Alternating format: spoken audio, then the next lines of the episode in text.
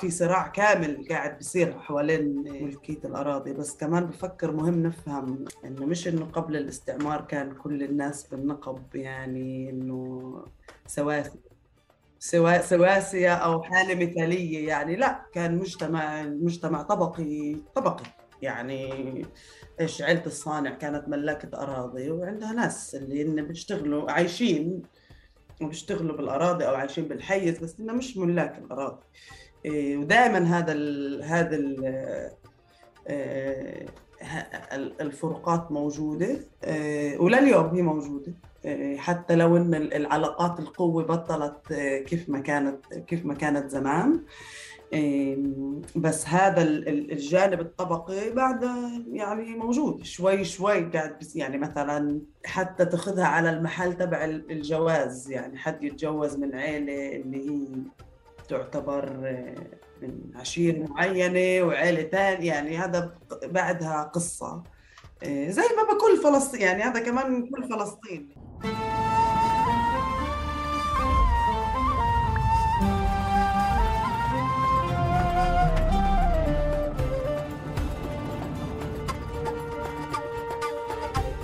مرحبا واهلا وسهلا فيكم في حلقة جديدة من بودكاست تقارب حلقتنا اليوم حلقة الرابعة من سلسلة حلقات انقذوا النقب آه، واللي بتيجي ضمن الحلقات آه، التعريفية لشو بمر في النقب بعد أحداث سعوة. آه، وضيفتنا لليوم العزيزة ريا الصانع. ريا مرحبا. مرحبا أهلا وسهلا. كيف حالك؟ تمام تمام. أوكي. مبسوطة اللي معك. طب إحنا عشان عشان الإشي ما يكونش ويرد كتير إحنا يا جماعة كنا آه، سجلنا الحلقة ونتيجة خلل في التسجيل أنا يعني طلبت من ريا نرجع نسجل مرة تانية فوافقت فإحنا جزء كتير من يعني من الانفعالات. إذا مش قادرين تلتقطوها فهي نتيجة إنه إحنا عم بنعيد التسجيل. وأنا من عندي راح أجرب يعني أغير الأسئلة وبتوقع منها هي تضل على نفس الأجوبة. كيف؟ بنجرب تعال هيك أحسن هيك أروق شيء بنجرب ومعنا هدول الحضور الغريب اللي وراك هذا جمهور. آه, آه هدول أصحاب هاني مش اصحابي ريا.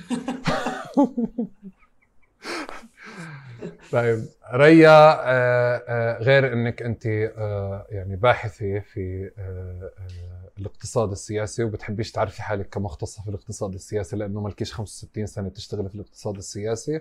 وغير إنك انت يعني آه مديرة آه مركز أبحاث اسمه بروفيتس آه كيف بتعرفي حالك؟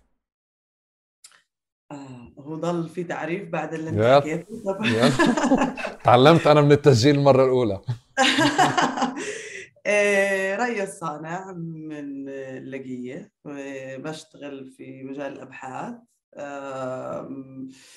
أكيد مش مختصة في مجال الاقتصاد السياسي وبف... يعني بعمل أبحاث من هذا المنظور على سياقات مختلفة. هذا.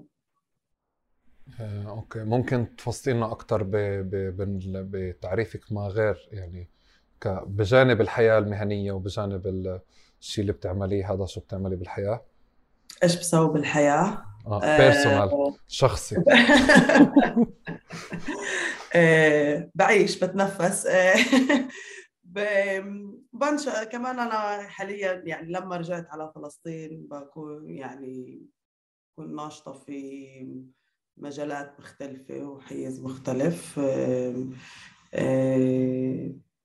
آه بشوف وين بقدر أساعد وين بقدر أساهم إيش المقومات اللي عندي وين بقدر أحطها وين ما يكون في إمكانية بغتنم الفرصة زي ما بيقولوا. بس آه هذا يعني بتخيل نتعرف على بعض أكثر خلال الحلقة. وبالجانب وبالجانب الثاني من السؤال كيف بتحبيش يتم تعريفك؟ غير فكرة ناشط.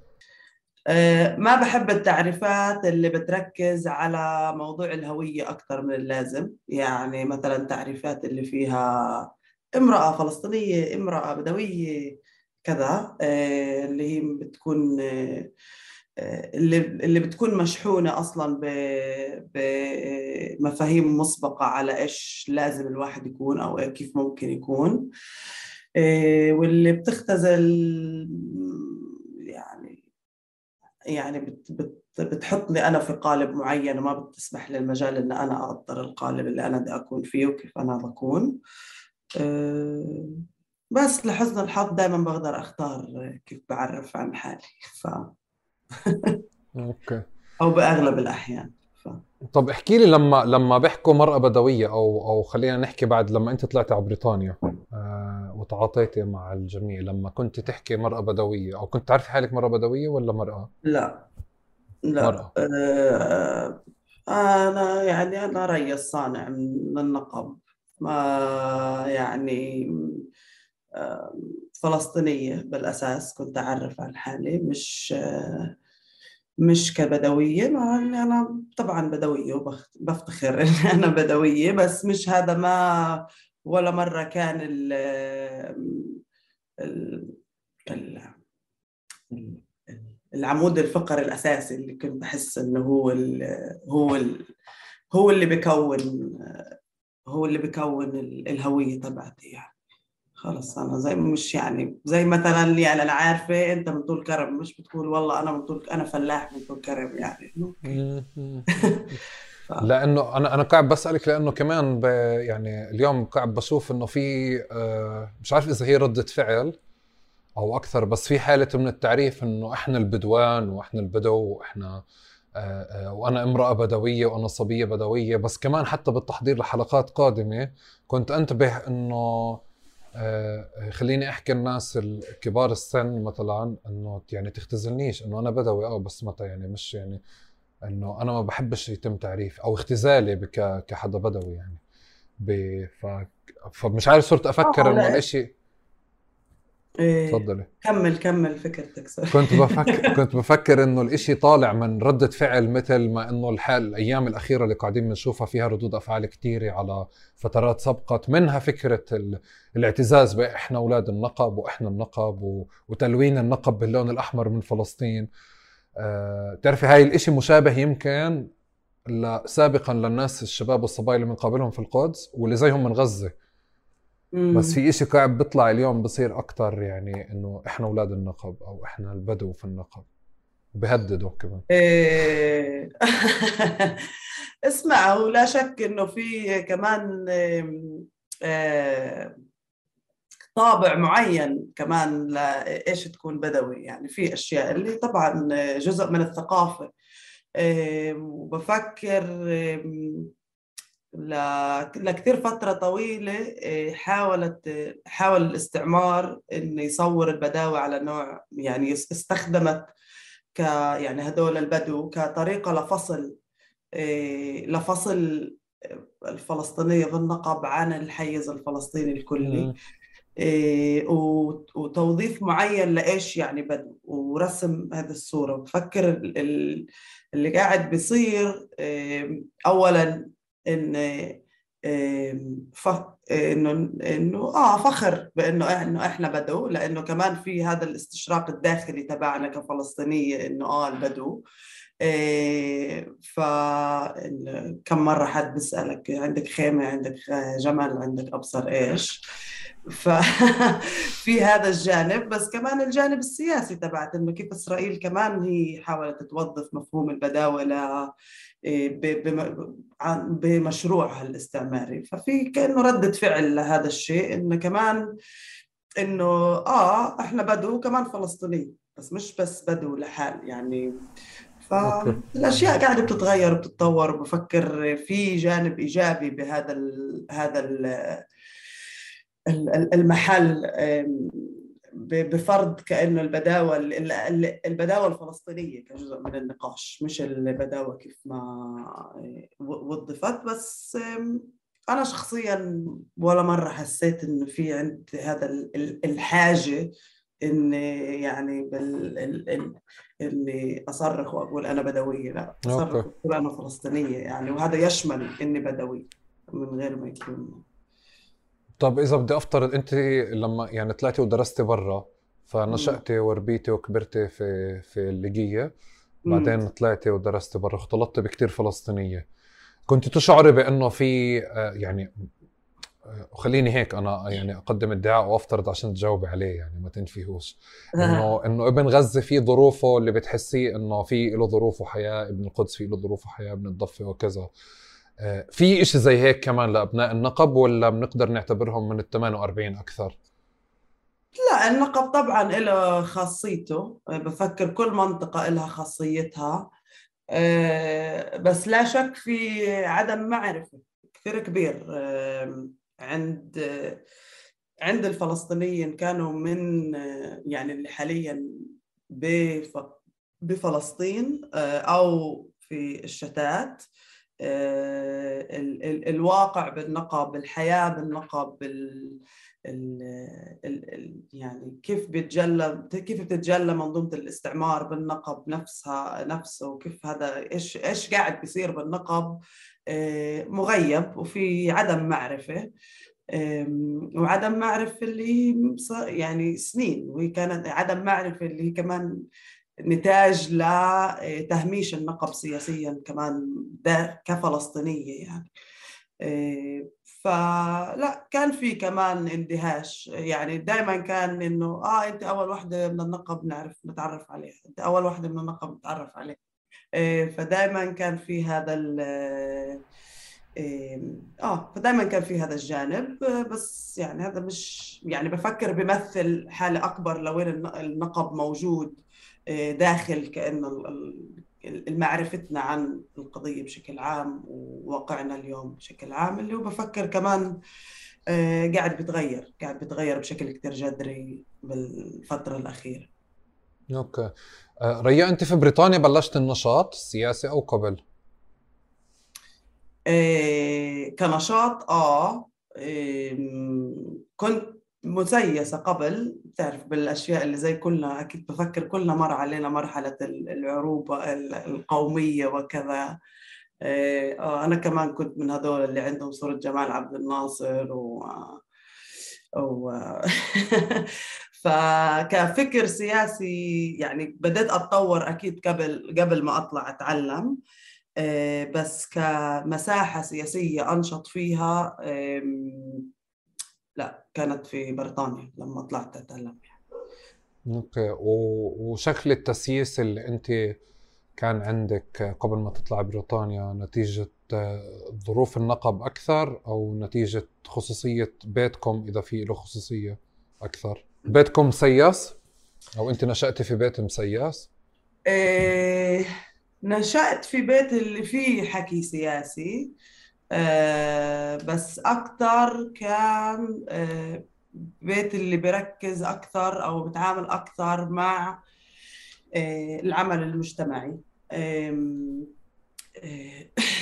ف أمي أنا يعني أنا نص إنجليزية نص بدوية. مرحبا للست روز. آه أمي روز.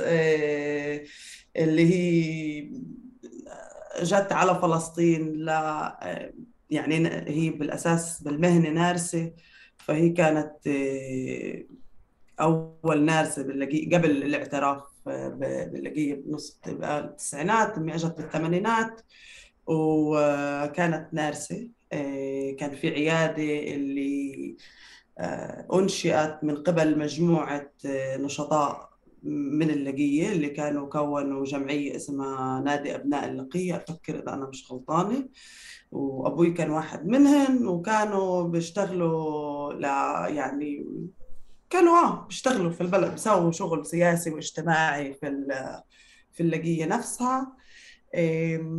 ف فآه فدائما كان في هذا الجانب اللي هو أكثر مركز على دور على على إنه إحنا يعني فاعلين في المجتمع وعندنا دور إيش نسويه آه، وعندنا كانه نوعا ما المسؤولية إنه نكون مشاركين ب بإيش بإيش بصير. ف يعني يمكن يعني آه كان في تسييس من هذا الجانب يعني. فأنا تشربت آه،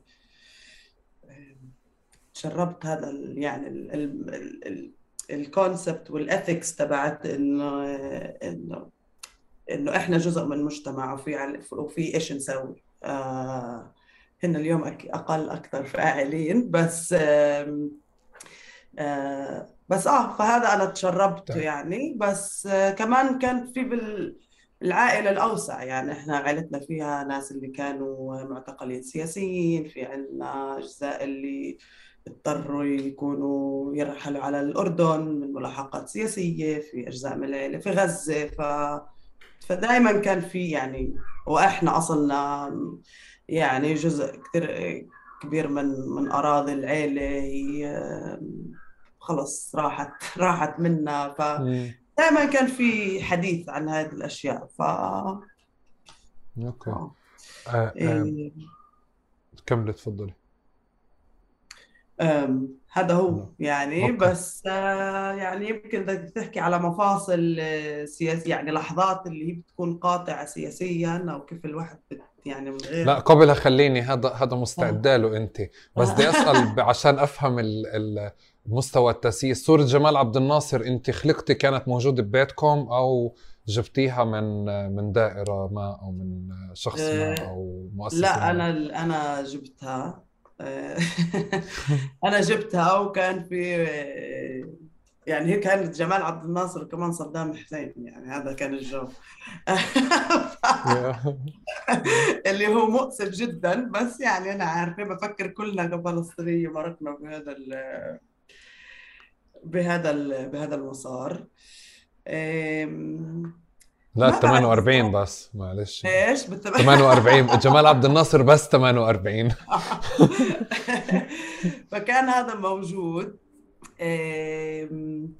ما بعرف أنا بفكر يمكن كمان بحكم إن يعني كنت خليط آه، كان عندي دائما هذا المحاولة آه، يعني من جيل صغير تبع انه العمل على الهوية الفلسطينية كجزء من هوية عربية آه، كان آه، كان على المستوى الشخصي آه، كثير مهم. فبفكر هذا أخذني لمحلات زي هذا. يعني يعني قبل أصلا ما أكون مهتمه بفلسطين كنت كان عندي الأوبسيسيا تبعت العراق وغزو العراق وكل هذا ال... إنه أمريكا والإمبريالية وكذا. بعدين كأنه زي جيت على فلسطين. ف... آه، من ناحية الوعي السياسي مش الفطري اللي الواحد بعيشه يعني. آه. أنت آه. أنت آه، بنفع تذكري لي حدث فارق سياسي فلسطيني أو على مستوى عربي اللي عمل لك التسييس؟ وقتها يعني أول حدث سياسي عام يمكن بت بت يعني أنا لإلي الانتفاضة الثانية أصدقاء في أمريكا بيحكوا 11 سبتمبر. ف... آه. لا 11 سبتمبر كمان كانت لحظة بفكر مش بس عند الأمريكان اللي كمان لا لا عن عندنا كان عندنا كمان 11 سبتمبر بس بقصد كان قبلها مثلا إنه كانت الانتفاضة. يعني آه. مثلا أنا كنت بمكان اللي كان فيه كتير أحداث. هلأ في أمريكا إنه كانت الانتفاضة واصلة لهناك فرضا بس ما كان لها الأثر تبع 11 سبتمبر. يعني حتى آه. الإشي صار عكسي إنه 11 سبتمبر إسلاموفوبيا بعدين ردي للهوية الفلسطينية والثقافة الإسلامية وكذا يعني أو العربية. فأنت شو الحدث العام يعني الانتفاضة الثانية طبعا كان لها دور يعني. إيه طبعا هذا كان له دور. إيه ما قبلها العراق أنا بالنسبة لي كانت يعني عن جد كان شيء اللي هو كان له حضور جدا قوي آه، عندي ما قبل الانتفاضة الثانية يعني. آه إيه. العراق حاضرة بحياتك قبل الانتفاضة الثانية. آه okay فغزو العراق كان له أثر يعني كبير آه آه. ما بعرف ليه ما ما عندي أي فكرة ليه. آه مش قادرة أتذكر يعني بس بعرف إنه أنا من وقتها بدأت أفكر أكثر آه أكثر. آه كحدث يعني وبعدين الانتفاضة الثانية أكيد. أوكي طيب إحنا هلأ بدنا نكمل كيف إحنا ماشيين بس بدنا نبلش نجاوب على السؤال الكبير يعني اللي هو كل اللي, حكينا عنه واللي معنون الحلقة تحته بس بدي أسأل أنت شو وداك على الاقتصاد؟ لقيتي حالك هناك ولا اخترتي؟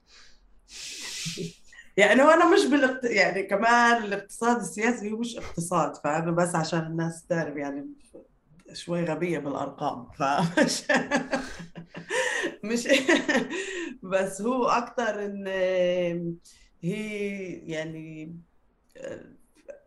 في في الجامعة أكيد هذا المساحات انكشفت عليها أكثر في الجامعة إيه، اللي هي كمان ساعدت وأعطتني قدرة إني أفهم إيه، الواقع المركب اللي إحنا فيه. آه، إنه كيف وصلنا لهذه المرحلة اللي إحنا فيها.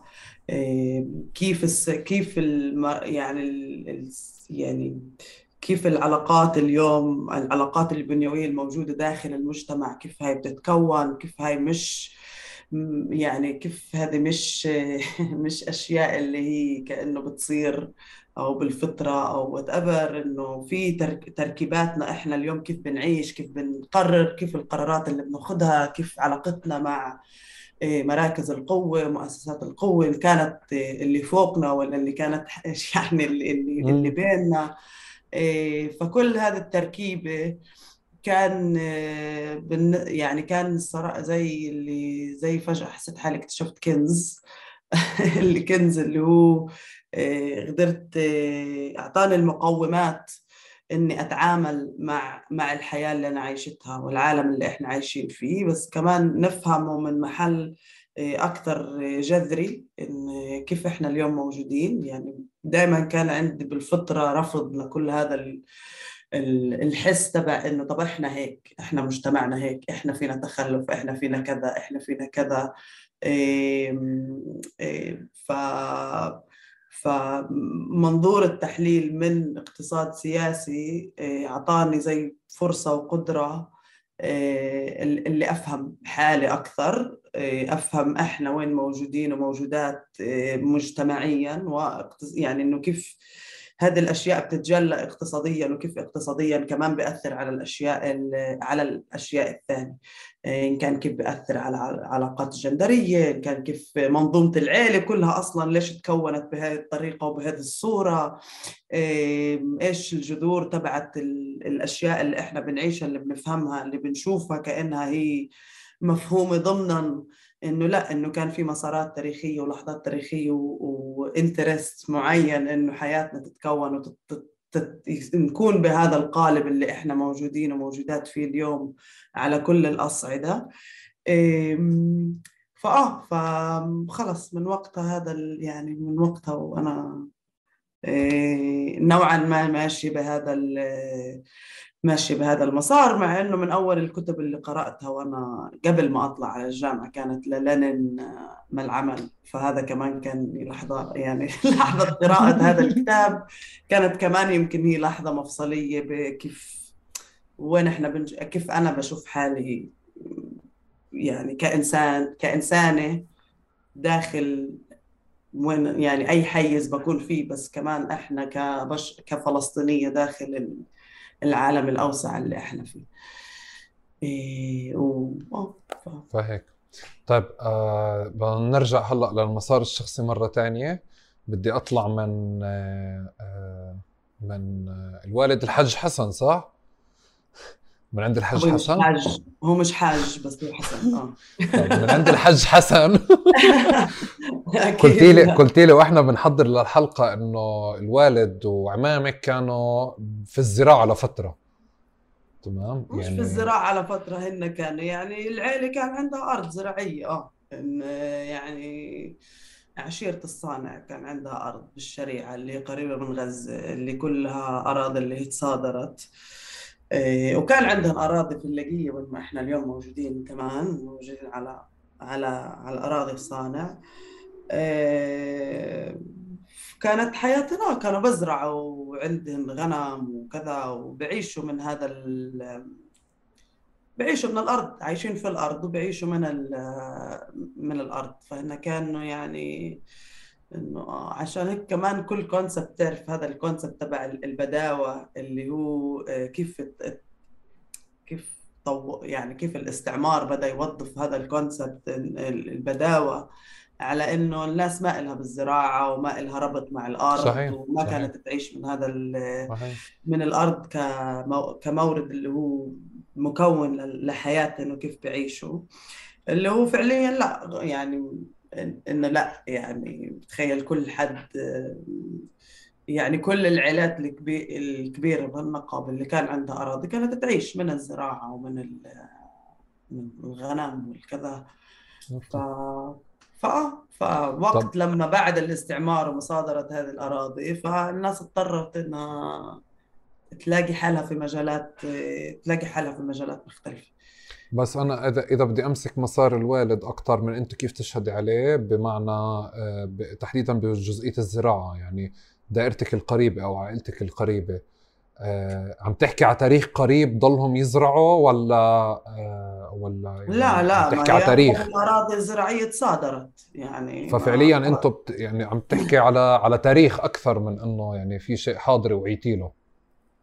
آه لا لا إحنا طبعا طبعا يعني لا آه، مع إن يعني كان في لفترة طويلة يعني الزراعة يمكن أكثر شيء بسرعة راح بس مثلا آه، رعي الغنم وكذا اللي هو طول أكثر آه، أنا ما وعيت يعني أنا ما وعيت مع اب يعني يعني عارفة ما كان عندنا يعني كان في رعيان الناس عندها شوية غنم بس مش إنه هذا هو مصدر الحياة.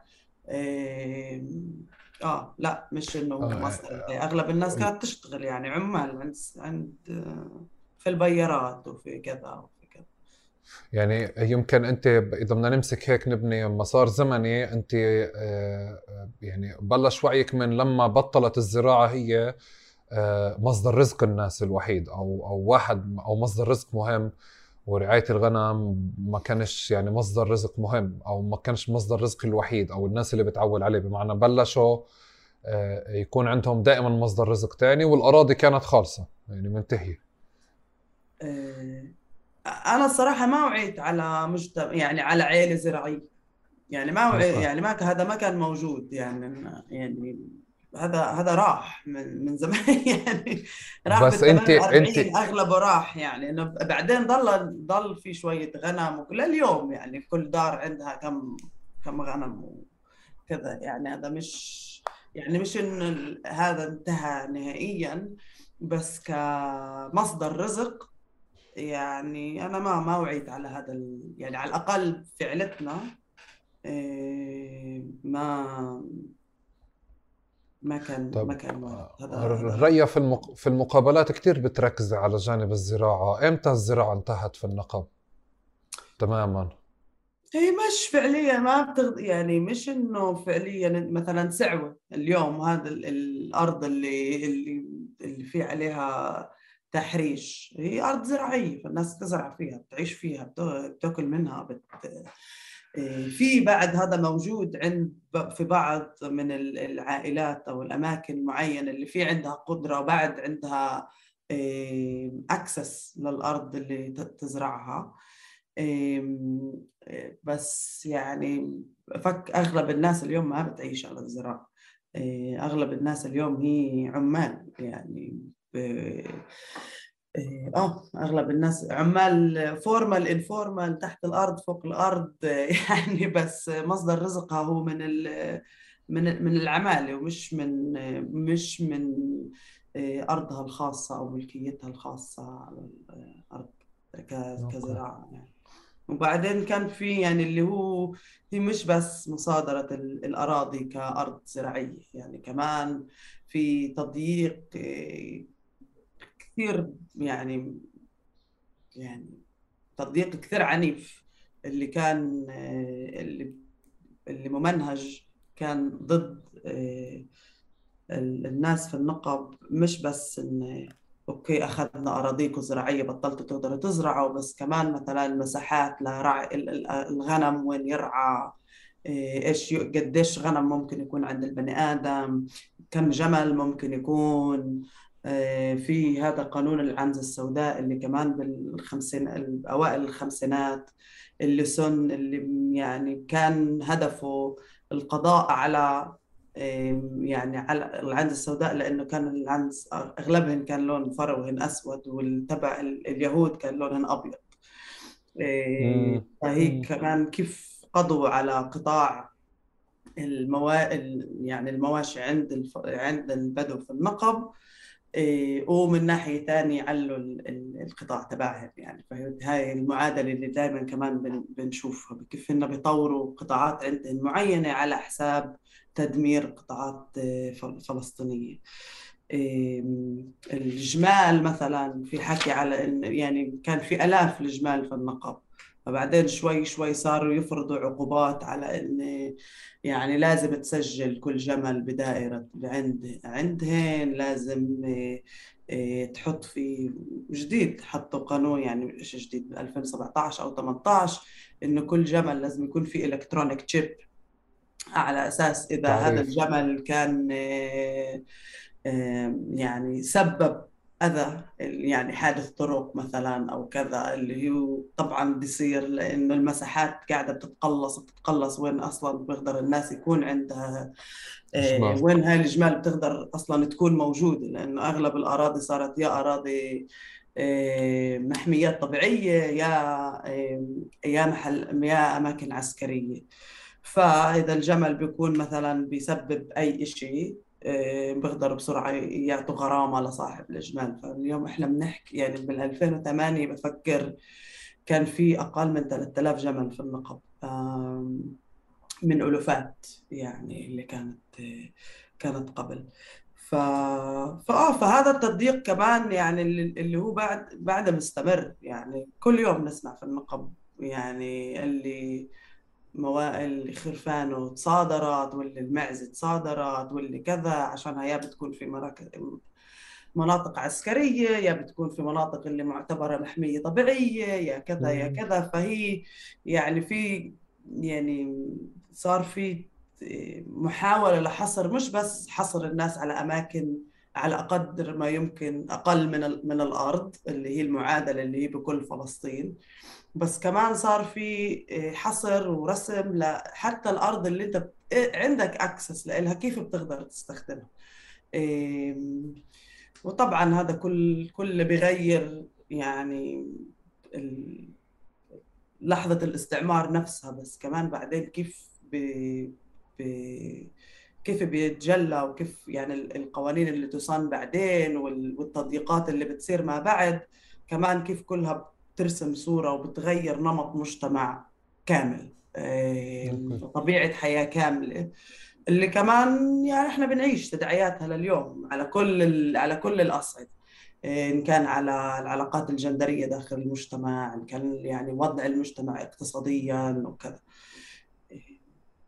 طب أنا بدي أسأل شيء على الأرض بس قبل على قضية الجمال الجمال أنت يعني فهمت أنا ليه العنزه بس الجمال ليه منعها؟ يعني آه، اللي بعرفه برا النقب بعرفش إذا في خصوصيه للنقب بس بشكل عام إنه الجمال بالعادة يعني لما آه، لما دولة أو حكومة بدها تمسك بدها تضبط حركة المال واقتصاد الظل بشكل أساسي لأنه يعني مساحة لغسيل الأموال يمكن آه، ومساحة لتبرير أموال موجودة بشكل غير شرعي أو أو غير شرعي بمعنى غير مسجل القصد يعني. في حالة النقب شيء مثل هيك أو أو خصوصية أخرى؟ يعني هن وهن على فكرة هذا إيش القوانين اللي هن سنوهن على الماعز والجمال هذه كانوا يحكوا فيها الإنجليز وقت الانتداب. إيه إنه كيف هذه الحيوانات قاعدة بتخرب الطبيعة ومضرة للطبيعة وكذا وال plantation و green والخضار وكل هذا كل هذه الأمور. فهذا كأنه ال ال القصة تبعتهم إنه هذا يعني الجديد هذا موضوع إنه يحطوا فيه ال chip الإلكتروني. هذا جاء بمثلا إنه آه والله في كثير حوادث طرق بتصير عشان بالجمال.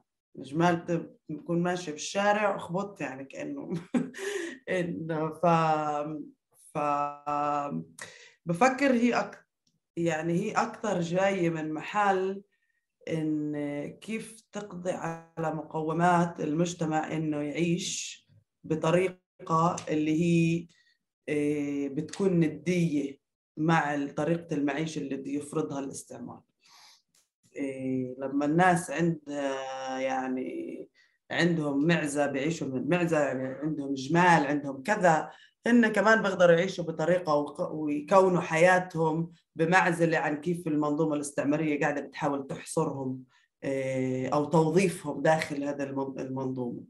آه، بفكر هذا دائما كانت المعادلة إنه دائما هذا كان الصراع إنه كيف نقدر نكسر البنية التحتية والمعيشيه تبعت المجتمع لنقدر مش بس نسيطر عليه إنه نقدر كمان نوظفه بطرق معينة اللي هي لنفع المنظومة الاستعمارية كان سياسيا ولا اقتصاديا ولا ولا ولا. وعم بفكر كمان لسه يعني بمعنى إنه غير غير اللي أنت بتقوليه في شيء ممكن يعني آه، يكون مهم بمعنى إنه آه، النقاش نمط حياة البدو تحديدا في كل مكان المنطقة العربية بيشغل يعني الأنظمة كلها يعني مش في كل فكرة بشكل أساس اقتصادي بمعنى في حركة مال موجودة غير مسجلة في شكل اقتصاد آه، آه، آه، بحب يفضل إنه يكون منعزل بشكل كامل حتى على مستوى القضاء والقوانين يعني بتلاقي في القضاء العشائري هو الأهم والقانون العشائري هو الأهم ودائما الدولة عندها مشكلة فيه هلأ أنا صراحة كنت يعني بعرف أكثر عن قضية حركة الأحصنة. قديش الدول كانت تنجن منها. فالإجمال ب... ب... ب... بإسرائيل تحديدا أو أو ب... ب... يعني بكيف خصوصيتها قدرت أشوفها ب... بجانب بجانب غسيل أموال بالإضافة لل للي انت قلتي غسيل أموال بمعنى أو أو حركة مصاري موجودة مخزنة في البيوت بس. يعني يعني بقصد إنه تبرير الفلوس إنه فلان يعني آه. غسيل تبييض بالقصد إنه في معي أنا مصاري من وين هاي المصاري؟ أنا بشتغل كذا وكذا وكذا وما حدا بيقدر يقيم. بالآخر أنا عازز الجمل هذا وعرضه بمليون أو مليونين أو أو أو حدا تاني بشوف سويته ب ألف أو كذا. يعني هاي حركة ال ال ال الاحصنه اللي بتشوفها بشوف الإشي شوي بشبه. وإحنا قاعدين بنحكي على الزراعة والحركة وكذا. هاي هذا كله موجود على أرض. أرض النقب لمين؟ يعني بالفتن شوي إنه أحيانا بنقال إنه هاي الأراضي لعائلة فلان أو القرية هاي لعائلة فلان. بس كمان شوي بتشوفي حتى إنه في تدخل للعائلة ب... ب... إنه في صراع على أرض غير معترف فيها إذا إجوا هدوا الدار ب... بكون مختلف عن أرض تانية. فسمعت إنه في إشي له علاقة بملكية الأراضي أصلا. إن في عائلات في النقب ملاكة أراضي وعائلات مش ملاكة أراضي يعني هذه الطبقية الموجودة بكل ما يخص الأراضي. وبجرب أشوف قد إيه قد إيه لها اثر. بكل المشهد السياسي اللي قاعدين بنشوفه. إيه هو كمان هذه مث يعني اللي, اللي توظف. يعني المجتمع في النقب في طبقية مخيفة. إيه اللي هي بتتجلى حوالين إيه مين مالك أرض ومين مش مالك أرض. إن كان في طبعا يعني مع إنه اليوم ملكية الأرض هي شيء طبعا سوبر مهم. آه يعني صراع في صراع كامل قاعد بيصير حوالين آه، ملكية آه، ملكية الأراضي. بس كمان بفكر مهم نفهم إن في يعني إنه إنه مش إنه قبل الاستعمار كان كل الناس بالنقب يعني إنه بحالة مثالية يعني آه سواسية سواسية أو حالة مثالية يعني لا كان مجتمع مجتمع طبقي طبقي يعني. إيش عيلة الصانع كانت ملاكة أراضي وعندها ناس اللي إن بيشتغلوا عايشين وبيشتغلوا بالأراضي أو عايشين بالحيز بس إنه مش ملاك الأراضي. إيه ودائما هذا ال هذا ال إيه الفروقات موجودة إيه ولليوم هي موجودة إيه حتى لو إن العلاقات القوة بطلت إيه كيف ما كانت كيف ما كانت زمان. بس هذا الجانب الطبقي بعد يعني موجود آه، يعني شوي شوي قاعد يعني مثلا حتى تاخذها على المحل تبع الجواز يعني حد يتجوز من عيلة اللي هي تعتبر آه، ملاكة. عشيرة معينة وعيلة ثانية يعني هذا بعدها قصة. طبعا إيه، زي ما بكل فلسطين يعني طبعًا هذا كمان طبعًا. كل فلسطين لا نقاش الأرض بفلسطين يعني بكل مكان بس بفلسطين آه. أكثر يعني كثير غالية الأرض. يعني الأرض كثير غالية إيه بتتمحور حواليها كثير أشياء يعني آه، آه. نقاش اجتماعي ونقاش ثقافي يعني.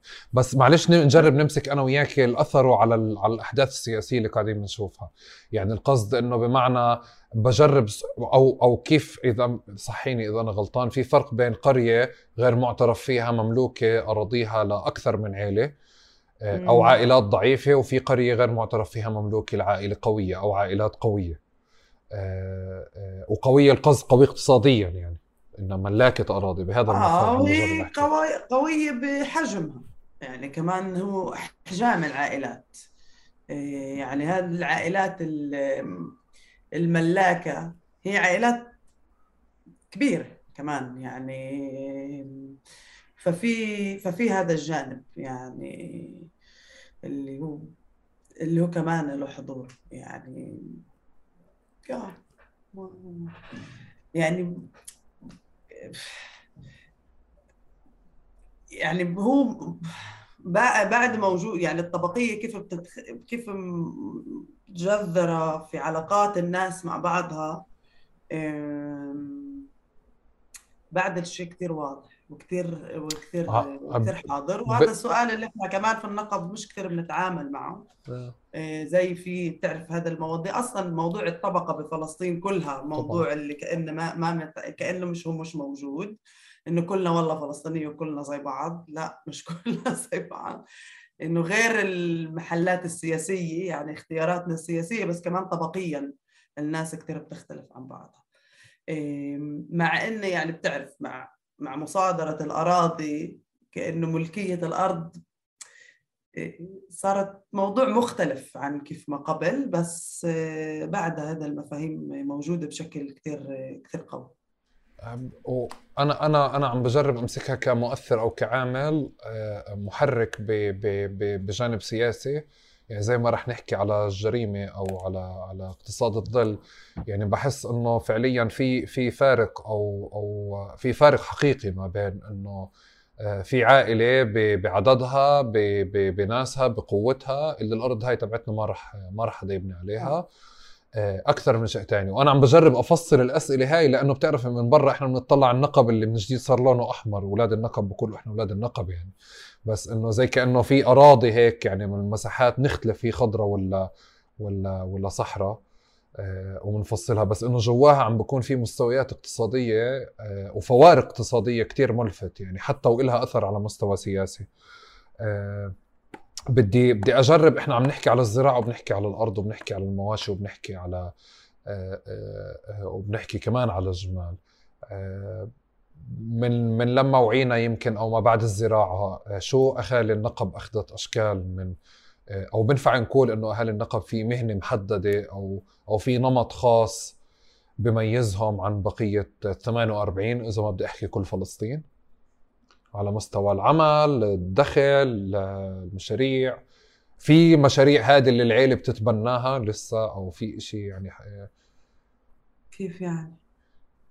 يعني بمعنى إنه كانت كانت القصد لما كنا بنحكي كانت الزراعة بمعنى إنه في عائلات ما موجودة ملاكه أراضي زراعية الآن راحت الزراعة.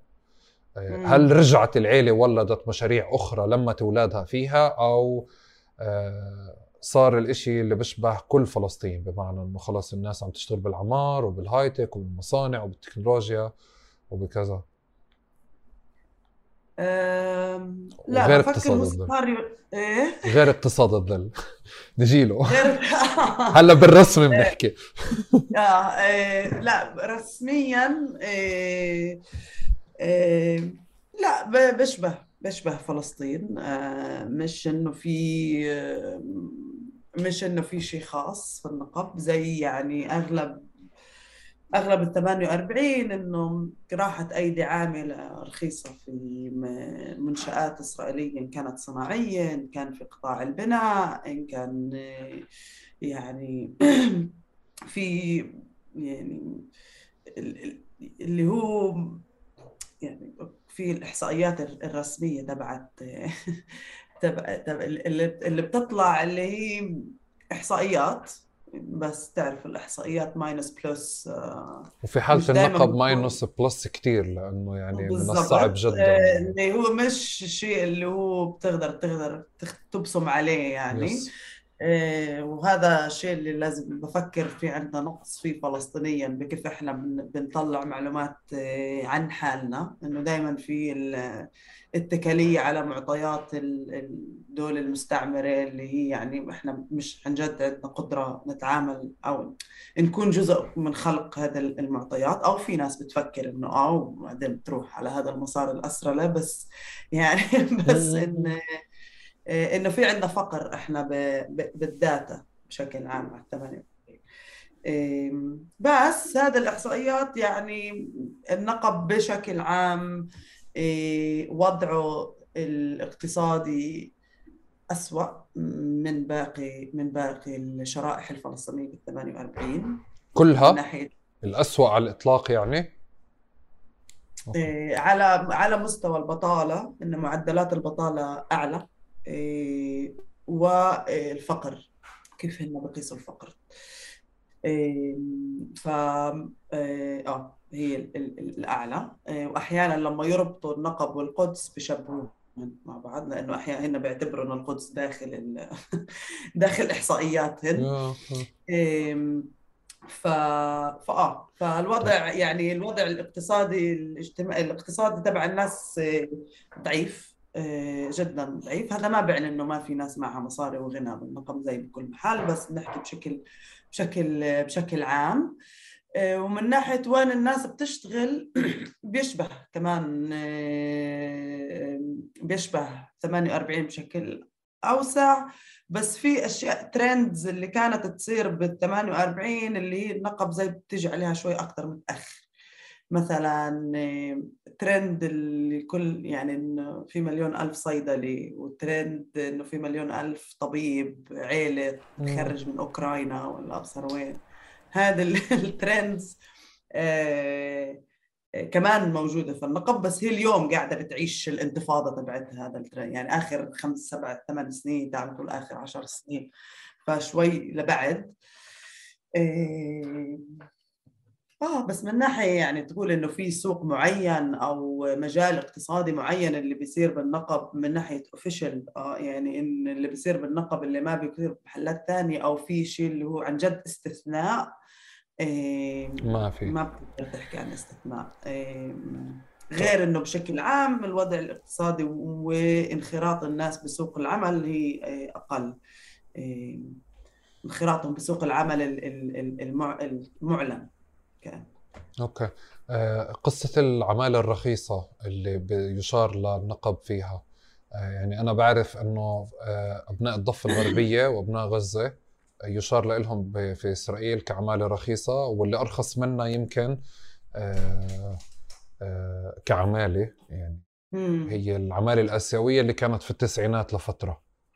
تمام؟ آه. اللي بعدين اكتشفوا إنها مش مجدية اقتصاديا لإلهم مش مجدي اقتصاديا ومش مجدي سياسيا. وقتها كان الحديث على إنه بدنا ننفك عن الضفة ونعطيهم حكم ذاتي. بعدين لا إنه اكتشفنا أو اكتشفوا إنه لا محتاجين نخلي هدول الناس تابعين لنا أكثر وأكثر واللي قاعدين بنشوفه اليوم يعني.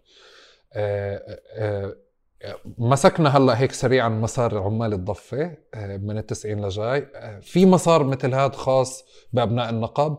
ولما بنحكي عماله رخيصة عنهم عمالة رخيصة مقارنة بإيش؟ مقارنة بال 48 ولا مقارنة بالضفة أو ما؟ أو إيش؟ آه لا مقارنة بال 48 وكمان مقارنة بالإسرائيلي ال- يعني المستوطنين اللي موجودين موجودين حوالي حوالينا ال- كمان مرة بضلني أرجع للإحصائيات مع إنه الإحصائيات حكينا الكريتيك عن الإحصائيات بس بس بس الرواتب مثلا الرواتب يعني وكمان هذا يعني هذا ال ال ال آه، قاعدة بدور على الكلمة بالعربي. هذا الريجناليزم اللي بكل محل موجود إنه مش يعني المناطقية اللي يعني بأي مساحة يعني وين ما في يعني دائما في اقتصاد اللي هو كأنه أضعف يعني حتى لو إنه بنفس ال... تحت نفس المظله في مناطق اللي بيكون فيها أضعف من مناطق مناطق ثانية وكذا. آه، بس آه الأجور بالنقب بشكل عام أقل حتى بنفس بنفس المجالات وكذا.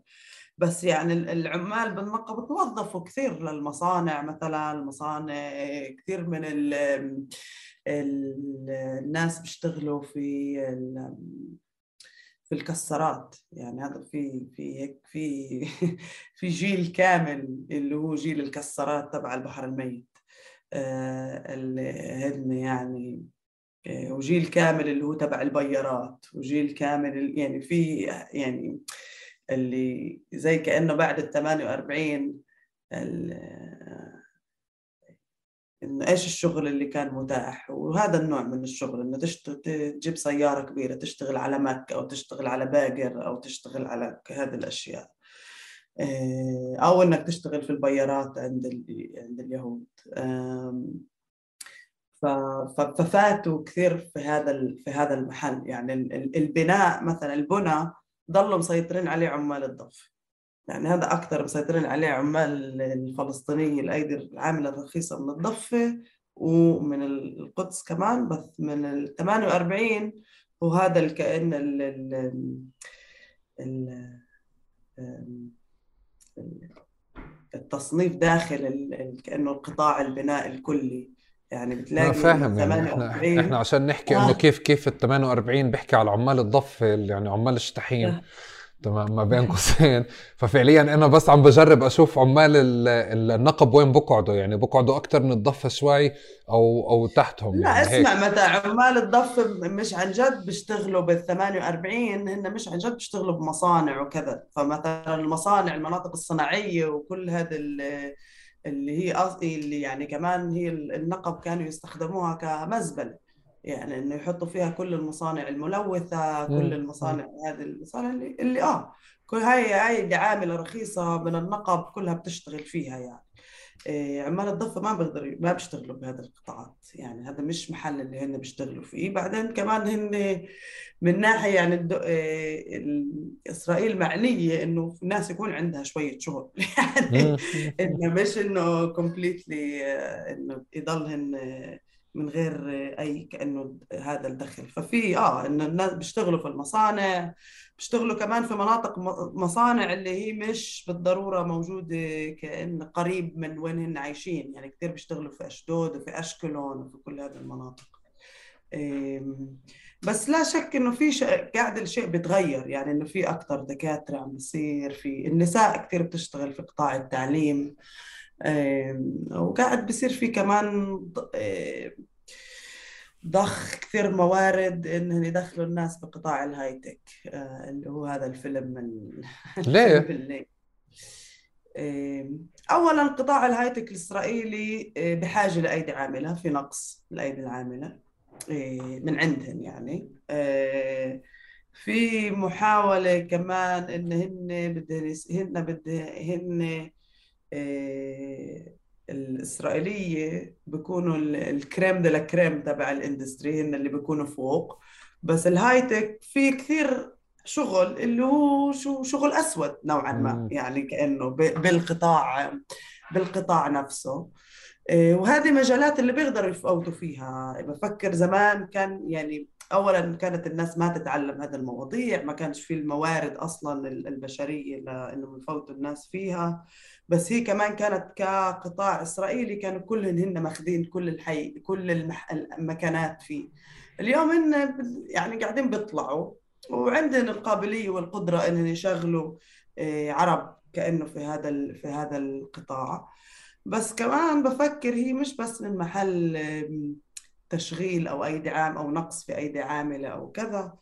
بس هذه القطاعات مبنية على مفاهيم نيوليبرالية بامتياز. إيه، اللي هي مفاهيم فردانية إيه، اللي هي كمان مفاهيم تبعت إنه طب ما إحنا شغالين في نفس الشركة مع بعض عم ننتج عم بنطور مع بعض. بتعرف هي مش زي دكتور في مستشفى. يعني أنت كمان أنت دكتور بمستشفى أنت جزء من إيه، ما عارفة يعني هذا عمل اللي هو مع الناس مع المجتمع مع كذا. بس بقطاعات الهاي تك انت كمان قاعد بتخلق عم تغرس عقلية قاعد بتغرس عقلية معينة بكيف الفرد بشوف حاله. إيه، وين الفرد بمركز حاله كجزء من كجزء من المجتمع. وكمان في يعني هذا جزء من ال... كل ال...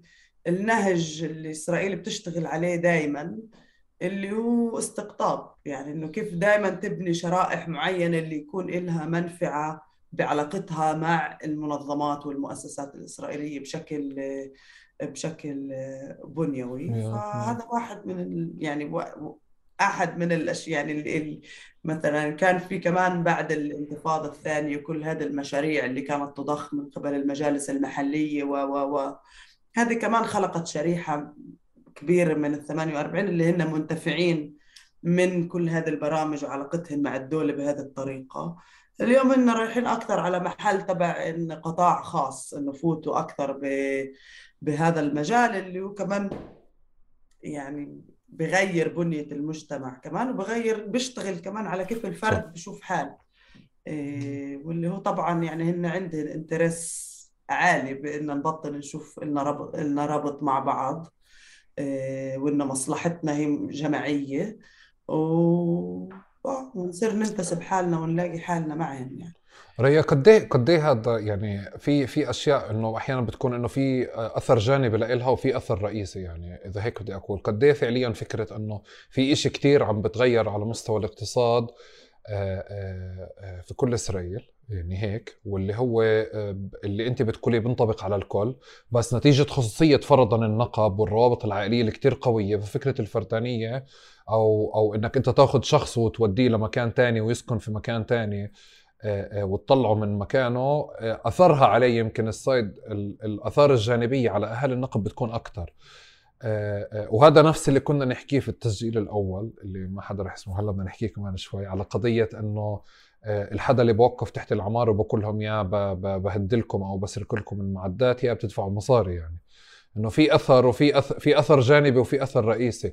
حسيت هسه وأنت قاعدة بتحكي على الهايتك تحديدا إنه زي إنه آه، لمست. إنه يمكن أنا غلطان أو أو عم بعطيك مجال إنه توضحي لي أكثر آه، آه، هي أنت عم تحكي كأثار جانبية على المجتمع بمعنى إنه إسرائيل بتعزز الفردانية في هذا المجتمع وبتقلل الروابط العائلية أكثر منه صح؟ أكثر من إنه فعليا عم بنشغل على برمجة المجتمع بشكل مقصود من خلال الهايتك هي آه عوامل جانبية بس أنا مش فاهمة ليه بتضلك تجيب هذا العلاقة العائلية كأنه ك... ك... كشيء اللي هو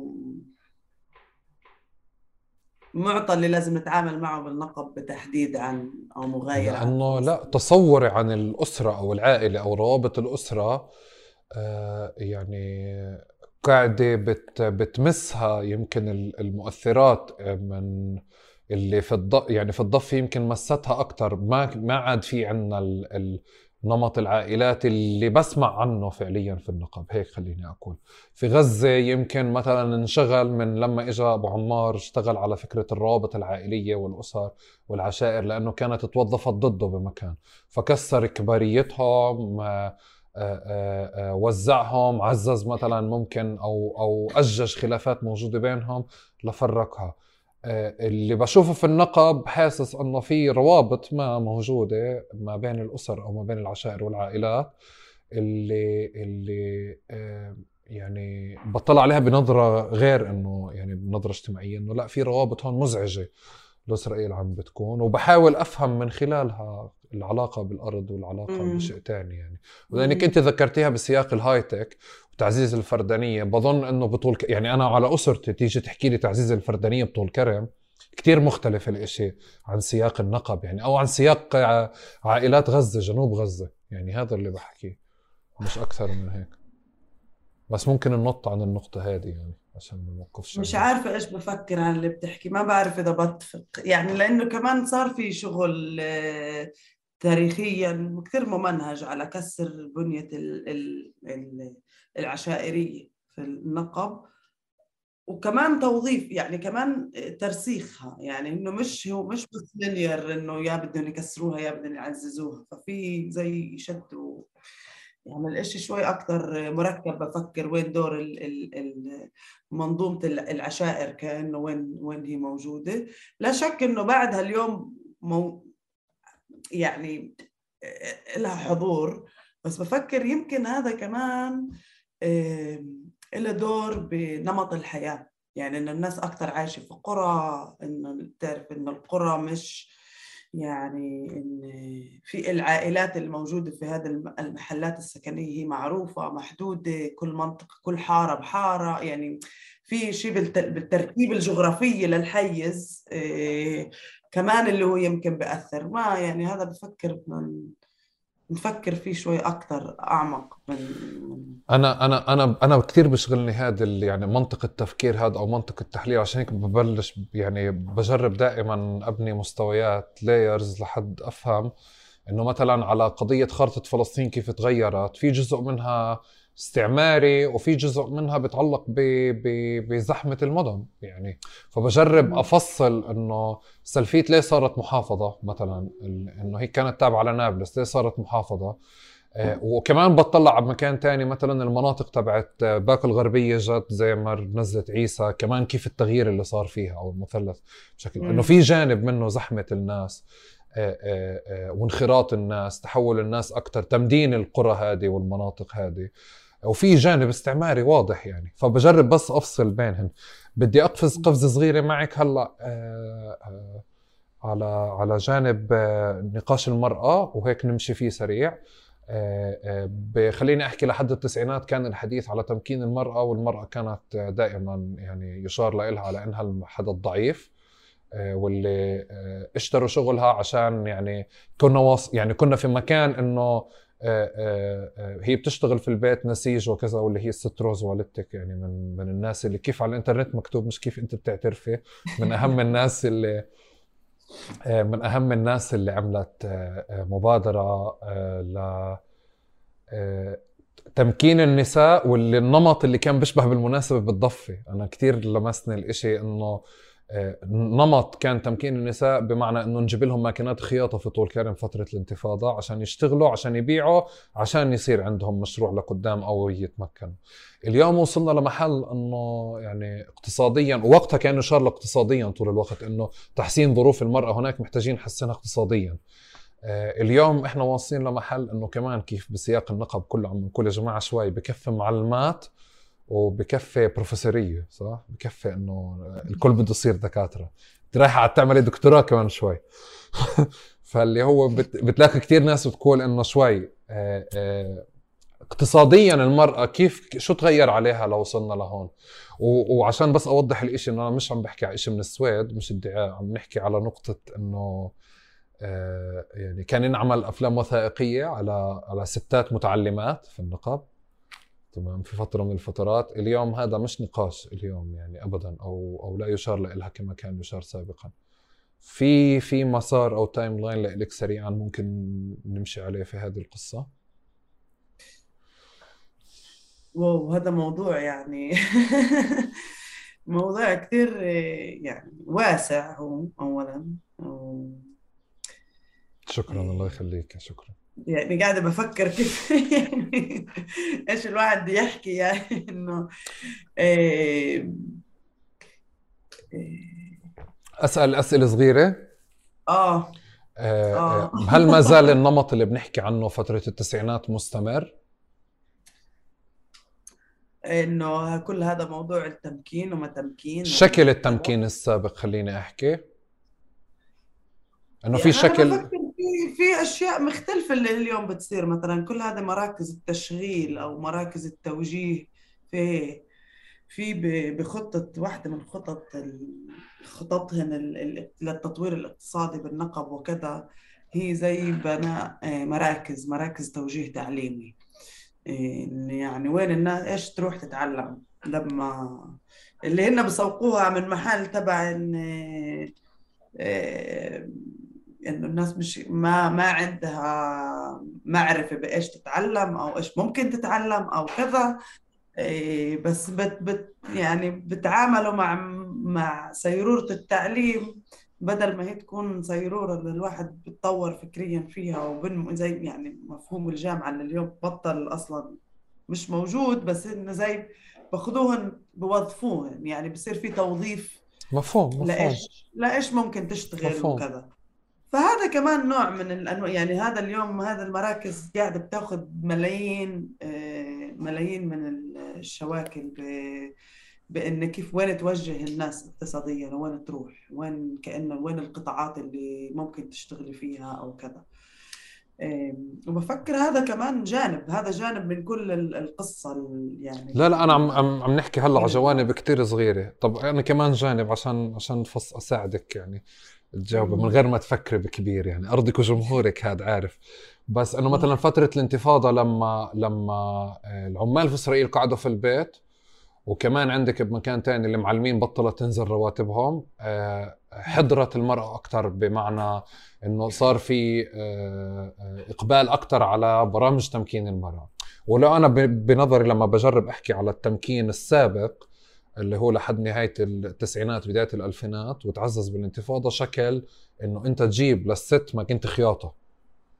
تمام. هيك. آه، مختلف مم. عن إشي اللي اللي يعني شوي عم بصير اليوم أنا بأماكن بفكر كان في يعني أنا ما يعني ما بعرف الصراحة بالضبط إيش هي المشاريع التمكين اللي اليوم قاعدة بتصير.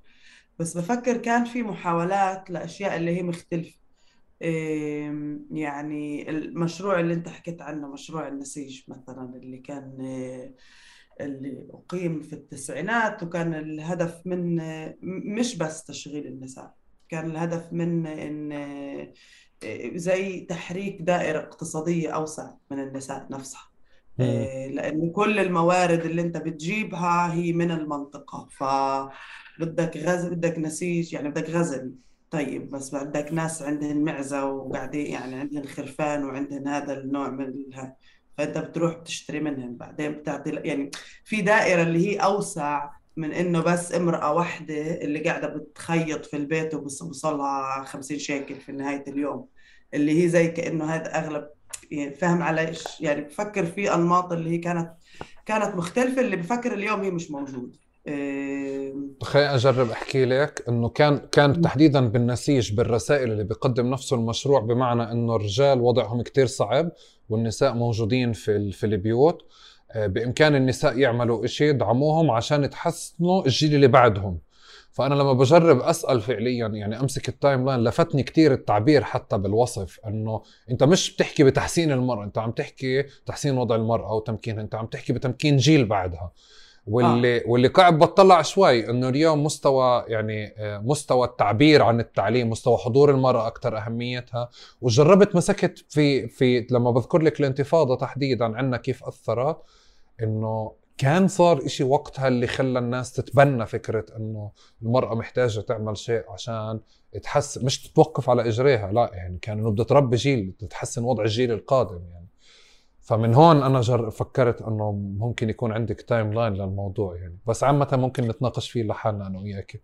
مش عارفة إذا timeline بس كمان بفكر إن يعني كمان ال ال ال الوضع الاقتصادي فرض على الناس إن المرأة تشتغل يعني. صار في زي حالة إنه خ- يعني إنه في حالة مادية حاجة مادية اللي هي غلبت غلبت على كل هذا ال ال- يعني على كل ال وبفكر ال- المشروع النسيج كان له دور كثير مهم. يعني في جيل كامل من النساء اللي تعلمت لأن أمها كانت يعني كان هذا كثير إيثوس يعني بالعمل اللي هو الجيل القادم كأنه إيش إيش اللي ممكن يصير. مش بس على لحظة اليوم بس على تمكين المجتمع كأنه المجتمع يمكن حاله. يا بس ب- يعني زي اليوم بتشوفها اليوم بتشوف إنه النساء اللي هو كمان شيء اللي هو قاعد قاعد بيتغير بشكل كثير جذري اللي هو مش بس النساء كمان الرجال آه، اللي وين بيشتغلوا. يعني زمان ما كنت يعني قبل عشر خمس سبع ثمان سنين ما كنت تشوف نساء على الكاشير أو نساء بدويات على الكاشير أو حتى زلام بدوا بيشتغلوا بسوبر ماركت يعني مم. هذا ما كان يعني موجود. اليوم إنه لا إنه ملان. يعني أغلب حتى هذه القطاعات عايشة على إنه على الأيدي العاملة البدوية إن كان نساء ولا رجال. إيه، فهذا كمان يعني في تغييرات مش اللي هي بت اللي هي كأنه الدافع في دافع اقتصادي حقيقي إنه النساء تطلع تشتغل لأنه في عندك هون كمان بشر كيان اللي عنده قدرة إنتاجية وعنده قدرة تفكيرية وعنده هذا اللي كمان المجتمع بحاجة لهذا لهذا لهذا المحل. وغير إن بفكر في صار في معرفة إن يعني اليوم في في زي نكتة اللي هي sour sweet sour يعني اللي هي بتضحك بس مش مش مش نكتة بس زي حكي اللي بنحكى إن أغلب الزلام اللي بالنقب اللي راكبين جيبات آه، اللي راكبين جيبات Land Cruiser ولا كذا. هاي شارينها على آه، ديون اللي ماخذتها النساء هن اللي هن بكونوا معلمات لأنه أنت معلمة عندك access أكثر للبنك وعندك أكثر access لقروض وكذا. آه، ففي نافعة يعني كمان يعني. صح صح. صح إن المرأة بهذا الحيز. فالإشي وطبعا هذا مش إنه linear يعني إنه بس في استغلال أو بس في هذا يعني إنه الأشياء شوي لا أوس أوسع. طب على على نفس على نفس ال layer هذا بدنا نروح للمكان اللي اللي اللي طول الوقت إحنا بنبرر حالنا له يا جماعة بدنا نحكي نسب بس مش مسترجين نحكي نسب. آه، في في في مصر آه، اقتصاد الظل كتير واضح بتم قراءته عشان نقرأ فعليا اقتصاد مصر ككل. اقتصاد الظل هو الاقتصاد غير الرسمي. واللي ممكن يكون في تباع بضائع مهربة أو آه، بضائع مستعملة أو أو خليني أحكي حركة المال غير المسجلة هيك. واللي بدخل في حالة النقب تحديدا كما يقال عنها اللي هو في قطاع ينمو ويؤثر وبات من يعني آه، آه، عم بحجز مقعد بين النخب اللي موجود اليوم اللي هو كل قطاعات التهريب آه، تجارة السلاح تجارة المخدرات وكذا. الآن في جانب منه اللي اللي البعض بيقدموا إنه إسرائيل اشتغلت على كذا وكذا وكذا وهو فعليا ممكن تكون اشتغلت على تسهيل في البدايات على تسهيل إنه انشغال الناس بهاي القطاعات بس القطاعات هاي صارت مهمة اليوم أكثر من فكرة إنه إسرائيل اشتغلت عليها إنه تعملها. آه وعشان يعني عشان بس آه أوضح آخر شيء وأنت قاعدة بتحكي على الفقر والبطالة أنا وياك مش عارفين نعطي نسب وأنا مش عارف أسألك على على قد إيه نسب فقر أو نسب بطالة لأنه كتير صعب آه نحكي نعتمد نسب رسمية أو نشكك فيها ونعم ونحكي إنه بزيادة أو بالناقص لأنه عندنا آه عندنا اقتصاد الظل اللي ما حدا بيعرف حجمه صح؟ آه، هو آه يعني إنه هذا ال هذا ال المبدأ تبع اقتصاد الظل نوعا ما إنه مش عن جد تعرف عنه كثير تقدر تربطه يعني مش آه، متوقع منك تعطيني معلومات يعني خاصة على الموضوع. بقدر أعطيك معلومات إيش هن بيحكوا؟ يعني هن بيحكوا إنه في واحد مليار شيكل اللي هو بلف بالسوق الكاش ماني مليار اللي هو بليون؟ آه كيف بهذيك الحلقة صفيت بليون. اللي هن بيحكوا عن آه، إنه هذا خارج البنوك وخارج آه، قديش من هذا في بالنقب؟ مش عن جد نقدر نعرف. بس لا شك ان إن هذا الاقتصاد الظل اللي هو اللي هو كمان يعني هو مش بالضرورة بس يعني اقتصاد الظل هو مش بالضرورة بس تهريب مخدرات. يعني كمان في ناس بتشتغل بأشياء اللي هي زي مثلا آه، جيبوا عمال من الضفة مثلا. آه طبعا طبعا. هذا مثلا يعتبر بس هذا مش يعني نحن كمان بنربط كل شيء بنربطه اليوم كل شيء في هوس إنه كل شيء مربوط مع مع الإجرام الإجرام والمخدرات وكذا غير صحيح لا. في قطاعات اقتصادية اللي هي كمان مش مسجلة اللي هي ممكن تعتبر اقتصاد الظل اللي هي مش بالضرورة من هذا بهذا العالم يعني.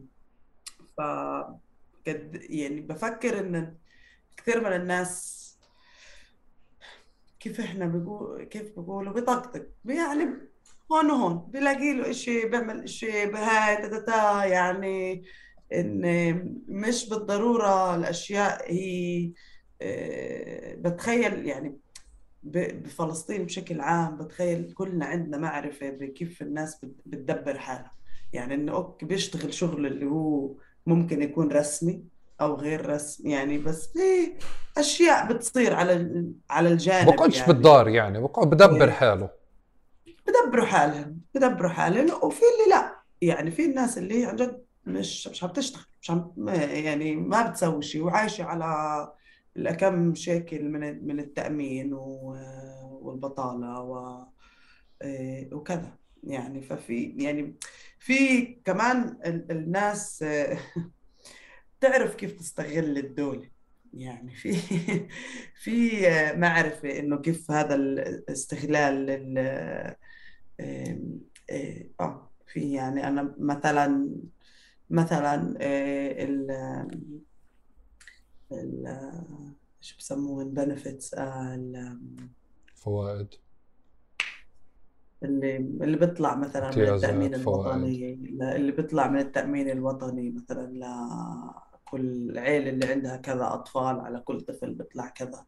عيلة اللي هي امرأة اللي هي إيه، امرأة يعني فيش عندها ما عندها جوز تمام. إيه، بيطلع بيطلع زيادة. فمثلا في كثير بتجوزوا بس ما بيسجلوا بعد على الهواية على الهوية. إيه، فامرأة تسجل كأنها هي مش هي مش متجوزة. بس مجتمعيا كل الناس بتعرف إنها متجوزة بس فيزا في الدولة هي مش متجوزة فبيطلع لها فوائد أكثر بس هذا يعني بس هيك إنه إنه في كمان داخل كل هذا المنظوم الناس بتتعلم طرق بكيف تدبر حالها وكيف تعيش وكيف كيف تستغل وين ما هي موجودة كمان كمان لصالحها. وبفكر في شوية سوفيستيكيشن عم بيصير غاد كيف إنه كيف نستغل إيش الدولة ممكن يعني إيش كأنه الموارد اللي كل الهامش كل هامش مفتوح بيتم استغلاله يعني.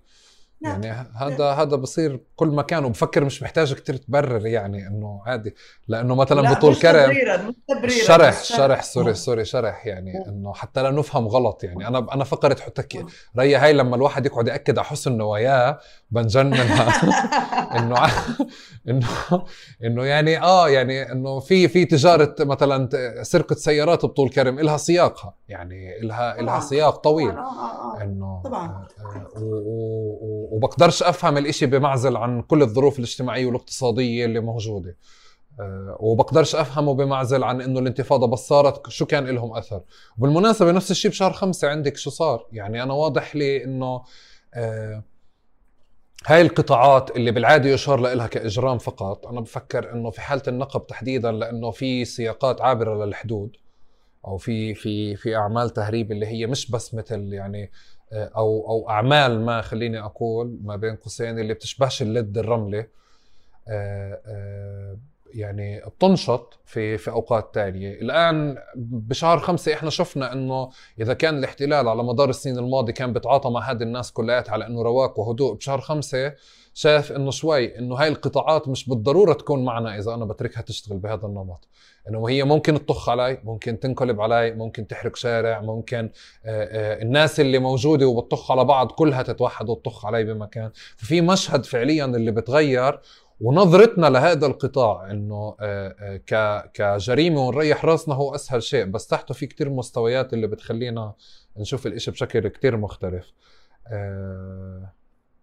أنا بدي بدي أسأل آخر شيء عشان إحنا يا جماعة إحنا مش تعبنا وملينا إحنا عم نسجل المرة الثانية وريا بالعادة يعني أنا صامدة معي لهسه هذا إشي كتير عظيم. إذا بتحضروا أي مقابلات تانية لإلها بتلاقوا بعد عشر دقائق تحط راسها بالزاوية اللي هي حاطة فيها هسه. صح. آه، آه، آه، السؤال ريا ليش في الشاب بأكثر من سياق حكيتي وأنا وأنا بدور قاعد مش لاقي معلومات عن النقاب أو الباحثين الفلسطينيين والعرب. يعني يا إما بنلاقي مثل منصور النصاصرة اللي هو يعني واحد مخصص كتير وقت وكتير حياة عشان يعمل يعني أعمال مهمة أو بنلاقي كتير يهود بيشتغلوا على النقب وحتى لما بتجربي تقراي شو بيعملوا اليهود عن النقب فيش مجال تستفيدي منه لأنه حتى ال background تبعته خلفيته شو بيعرف عن النقب وكيف موظف أدواته التحليلية يعني بشيء لدرجة إحنا صعب كتير نستفيد منها. أنا آه، أنا مش عارف أدور يعني أنا مش عارف ألاقي ولا ما فيش شغل حقيقي معمول عن النقب آه، في في بس بفكر يعني في في يعني ناس اللي اشتغلت وعندها آه، أبحاث وكذا. بس بفكر آه، يعني ب ب بفلسطين يعني بال 48 بالاساس بالذات إحنا كثير مهووسين بالسياسة من فوق وبمصطلحات يعني بأشياء زي وين إحنا موجودين من المواطنة ومواطنه ويعني هاي الأشياء هل إحنا استعمار كولونيالي ولا إحنا يعني أشياء اللي هي آه، مش عن جد بتمس آه، نوعية الحياة وتشكيل الحياة بالشكل بالشكل اللي الناس عايشت يعني المعرفة إنتاج المعرفة كثير استعلائي آه، وكثير يعني من فوق وبفكر هذا يعني خسارة خسارة بكل كل ال 48 وخسارة أكيد في النقب يعني تاريخيا النقب هم مش سياسيا بس كمان هم مش من ناحية مساحة اللي بننتج عنها معرفة. إيه وكمان اليوم المعرفة يعني في كثير إيه أشياء اللي هي قاعدة بتطلع من إيه جمعيات اللي قاعدة بتشتغل في محلات معينة. مثلا جمعية بلدنا بتشتغل مع الشباب في كذا كذا. عندها قدرة أنها تسوي مسح مثلا عن وضع الشباب في 48 وين هن موجودين من الهوية إيش بفكروا إيه مثلا أو المسح عن موضوع العنف اللي كمان شوي يطلع عندهم تقرير عن الموضوع وكل هذا الأشياء. اللي هي هذا النوع من المعرفة اللي إحنا بحاجة بحاجة إنتاجه عشان نقدر نتعامل مع الواقع اللي إحنا عايشين فيه عشان نقدر نفهم حالنا إحنا اليوم وين موجودين وموجودات. فالنقب هذا مش موجود. يعني كمان إذا يعني مش هذا النوع من المؤسسات اللي هي شوي بتنتج. يعني مش إنه صحيح نقول إنه يعني في إنتاج جدا غني يعني في محلات ثانية بس في النقب هذا مش موجود مش موجود كليا. ومن ناحية مؤسسات يعني من ناحية يعني نقدر نحكي على أفراد من اليوم لبكرة. في مليان أفراد اللي هن رائعين ورائعات وبفكر ال يعني شهر خمسة آه، هبة الكرامة كانت نقطة مفصلية في الحيز السياسي الفلسطيني بشكل بشكل جماعي للكل آه، بفكر يعني النق... اللي قاعد بيصير اليوم في النقب هو آه، تكملة وجزء من هذا اللي صار وقاعد. يعني في تطور الأشياء في التطور قاعدين بنشوفها من ال من ال الناس اللي أصلا ناشطة على الشارع يعني في الحيز اللي موجودة على الشارع آه، نوع الخطاب اللي قاعد اللي قاعد بنطرح آه، نوع التفكير اللي يعني وين الناس قاعدة بتمركز حالها من كل هذه الأشياء. واضح إنه في تغيير في المشهد السياسي بشكل آه، بشكل بشكل جذري. السؤال هو يعني أنا أخذت هذا المعرفة عشان أحكي على هذا الموضوع يعني أنت أنا ترك تركت شخصيتك الأكاديمية تطلع هلا هون. لازم introduction لازم introduction عشان تجاوبي على السؤال. بس آخر مرة تعمليها. آه، آه، السؤال بفكر اللي هو اللي هو كمان ب يعني له حضور بالحي يعني بمساحة إنتاج المعرفة بس بفكر هو له حضور بكل يعني بيمثل شيء اللي هو أكبر. إيه إن طيب في عندنا هذا الزخم هذه الطاقات هذا التغيير اللي قاعدين بنشوفه اللي هو عن جد تغيير جذري بكيف من ناحية النشاط السياسي والحديث والديسكورس وكل هذه الأمور أصلا كيف كيف النقب صار محل اللي صار متمركز حواليه اللي قاعد بيصير بفلسطين. هذا كمان إيه، إيه، مش مفهوم ضمنا لأن يعني بس بفكر الوضعية اللي صار فيها يعني لو إن ما بعرف أنا بفكر إن يعني شهر خمسة بتبع إن نفهم واقعنا بإنه مركب بس في في في داخله اللي هو مركب اللي هو جماعي بس في في داخله خصوصيات اللي هي زي بدأت تطلع في شهر خمسة. لأن نتعامل مع حالنا كجسم كلي بس نتعامل مع الخصوصيات من غير ما نفكك حالنا ومن غير ما يصير في أوفر شرذمة. بس نتعامل مع واقعنا المختلف عشان نكسر الشرذمة. إيه حتى لو إنه مش كونش مش بال مش بالوعي بنتصرف بهذه الطريقة بس بفكر في محاولة لإن أصلا لا إحنا بدو عندنا واقع مختلف وواقعنا يمكن أنتم ما بتعرفوا عنه. طب تعالوا تعلموا عنه. وهذا الواقع هو جزء من الواقع الفلسطيني الكلي. فهذا النوع من المفاهيم أو طرح الحاله بهذا السياق هو مغاير مغاير كمان ل لإيش قاعد كثير مغاير قبل؟ إيه السؤال هو وين هذا بروح وين هذا بيمشي؟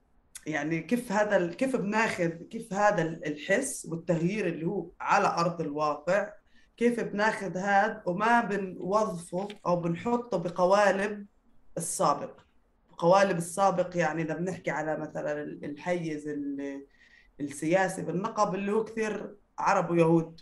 في ربط كثير يعني في بالألفينات صار في كثير يعني ضخ موارد على هذا هذا النوع من العمل إنه تعال نكون في مؤسسة بنقدر نمارس هويتنا الفلسطينية وإن نكون إحنا فلسطينية بس بنفس الوقت إحنا ما بنشوف ندية مع الحيز الإسرائيلي. بنقعد معهم نتخرف معهم وتعالوا افهمونا وما افهمونا وهذا هو هذا هو مشروع الأسرة.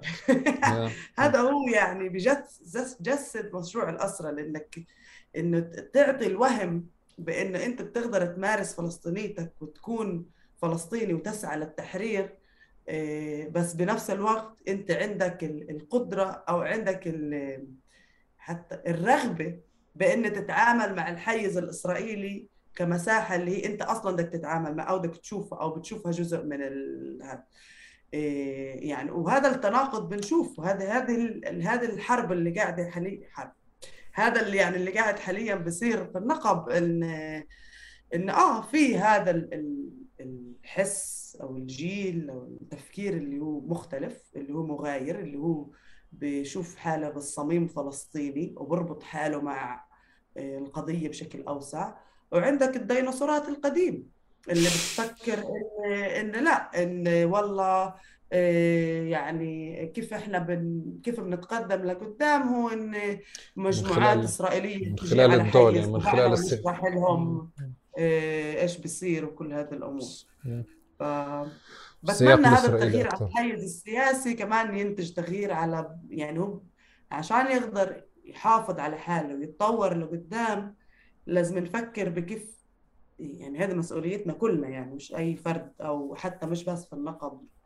الكل نفكر كيف بيتم الاستثمار بهذه المرحلة عشان نقدر نتقدم لقدام وما نحط هذه المرحلة بقوالب اللي زمان كأن يعني مطالبة بالكنيسة مظاهرة بالقدس ما يعني في الواقع مختلف. الأرض قاعدة بتطلب يعني الأرض قاعدة بتطلب شيء مختلف. ومش سهل الواحد يفكر بكيف يطور هذا الشيء الفطري اللي هو موجود اللي انخلق اللي واضح إنه محاولات الأسرلة ومحاولات الكسر أو فصل النقب عن الجسم الفلسطيني الكلي هذه محاولات اللي هي آه، بشكل آه، على المدى الكبير هي مش ناجحة. واضح هذا يعني بفكر ما في حاجة نثبت لحالنا ولا نثبت لأي حد إن هذه السياسات أصلا آه، مش ناجحة. بس كمان في في أشياء اللي هي داخل يعني صراعات اللي هي داخل المجتمع اللي آه موجود. يعني في اليوم قابلية أكثر آه، لناس إنها تكون منخرطة بالشرطة مثلا أو مش إنه هذا انخراط بأعداد بس هذا موجود. بفكر يعني اللحظة اللي إحنا فيها اللي هي لحظة مليانة قوة ومليانة أمل كمان لازم تكون لحظة تبعت إن كيف نفكر لقدام وكيف نستثمر لقدام مع كل التركيب اللي إحنا آه، اللي هي موجودة بالنقب بشكل يمكن أكثر صارخ لأنه النقب ما في هذا يعني آه، مؤسسات فلسطينية 100% اللي بتشتغل سياسيا كمان هذا مش مش خيار مش, مش موجود مش, مش موجود. مش موجود. فالحيز مختلف. فالسؤال تبعنا طب يعني قديش بدنا نضل هون؟ يعني قديش بدنا نضل واقفين؟ قديش بدنا نضل نعمل هاي آه. المساومات يعني؟ يعني أنا بفهم أنا أنا أنا متفائل أكثر منك آه، آه، وأنت متفائلة يعني بدناش نزود على بعض بالتفاؤل. شفتي حكيت عنك. بس بس أنا أنا أنا كمان يعني كمان بفكر إنه في مشهد يعني إنه أنا راضي عن التغيير اللي صار أنت بدك أكثر. أنا بفكر إنه صار في صوت حقيقي موجود إذا أنت سميتيهم يعني ما بين قوسين العفو منهم جميعا ديناصورات. القصد إنه النمط السياسي التقليدي أو الكلاسيكي في النقب بكيف بيشتغل ضمن السياسة الإسرائيلية ضمن اللجان اللي بدها أكثر انخراط أو كذا. اليوم لا اجى حدا اللي بشوف حاله بسياق تاني. أنا بنظر اليوم الجيل اللي أنت عم تحكي عنه وصوتك وصوت الناس اللي أصغر منا يعني هم مش عم بيحكوا إنه إحنا ضد هذا المسار مثل ما إحنا كنا على فكرة. هم إجوا حطوا السياق الفلسطيني على الطاولة وقالوا إحنا جزء من هذا الموضوع. أنا بنظري ما بعرف إذا يعني إحنا مش متابعين ممكن يعني دائما عندي شك بكل شيء بقوله عن النقب تحديدا. بس أنا بفكر ولا مرة كان في شيء بالنقب بشهرين يكون في آه، الشيخ جراح زيارة للنقب حضور للنقب بالولجة عشان نكرم أهالي باسل الأعرج واللي باسل الأعرج بعرف شو هو. آه، في حضور في في فلسطين يعني حتى مش فكرة إنه نقب وكذا وهيك وأخذوا أرضنا وخلصنا لا في فعل من جيل جديد موجود. الآن هذا الجيل بس تطلع عليه بتلاقي إنه معك حق إنه كمان هو عنده مشكلة مع مع شكل المؤسسات اللي موجود آه، آه، وعم بجرب ياخذها لمكان تاني. أنا بنظري يعني آه، ريا كل شيء بالنقب يعني أنت يمكن وإحنا أنا قاعد بحضر للسلسلة هاي قلتي لي تعامل مع النقب مش مثل الرملة حتى مثل شيء مختلف بالكامل. وأنت صدقتي لأنه أنا يعني كل كل منطق تحليل استخدمته بمكان تاني ما بزبط بالنقب. كل كل خصوصية بتشوفيها بمكان تاني ما بتشوفيها يعني ما بتقعد بالنقب مثل ما هي. وأنا قاعد بسألك بالمناسبة أنت جاوبتي على سؤالين. سؤال البحث إنه ليش ما في أبحاث وليش ما في فعل يعني أو ليه الفعل؟ فأنت هيك إحنا شطبنا المقابلة. بس أنا كنت أقول إنه في إشي يمكن حتى صعب على الناس يعني غير إنه إحنا مش متابعين النقب أنا كمان بشوف إنه اهالي النقب هم كمان منغلقين أهالهم. يعني مش مستعدين للانكشاف لسه أو مش مستعدين فعليا إنه آه، آه، يفتحوا ويحكوا أكثر. بس كمان في إشي عم بصير كثير حقيقي. يعني بمعنى إذا إجا حدا من برا يشتغل البحث أو رسالة الدكتوراه اللي عملتها صفاء أبو ربيعة راح يصطدم بمكان إنه السيدات أو النساء عندهم يعني رواية ما وبروح بأخذها وبروح. بس ما بيعمل اللي عملته آه، آه، صفاء. وبنفس الوقت يعني كمان ما بيعمل اللي آه، عملتوه بهو بروفيتس. بدي أنهي ب Who Profits. مش عارف إذا دخلت دخلة صح على Who Profits أنا. بس هذا اللي صار. بأقل من المرة الماضية كثير سريع. Who Profits ال database العظيمة هاي اللي موجودة. Who Profits مركز أبحاث مستقل هيك بيعرف حاله. للأسف إنتاجه بس باللغة الإنجليزية حاليا. بتمنى عليكم أنه تعملوا لنا إياه باللغة العربية كثير بسرعة. تحكي لنا عنه كثير بسرعة. إيه، آه هو بروفيتس هو مركز أبحاث مستقل نسوي. آه، اللي آه، بيسلط الضوء على آه، القطاع الخاص ودوره في دوره بتمكين القرارات السياسية بشكل عام. يعني إنه أي قرار سياسي بعدين عشان يتبلور على فعل في في دور للقطاع الخاص الإسرائيلي والعالمي في هذا في في إنه يصير واقع. في مجالات معينة. طبعا فإحنا بن بن بنسلط الضوء على هذه الشركات بعدين بن بنعمل كمان أبحاث تحليلية على قطاعات معينة إنه كيف يعني من منظور اقتصاد سياسي بكيف كمان تطوير هذه القطاعات بالضرورة لا لا الاستعمار بيؤدي ل كأنه كسرها فلسطينيا. إيه، بالأساس إحنا كنا نركز على إيه، ضفه غزة الجولان السوري المحتل. إيه، بس حاليا قاعدات بن, بن كمان بنوسع بمفهومنا ل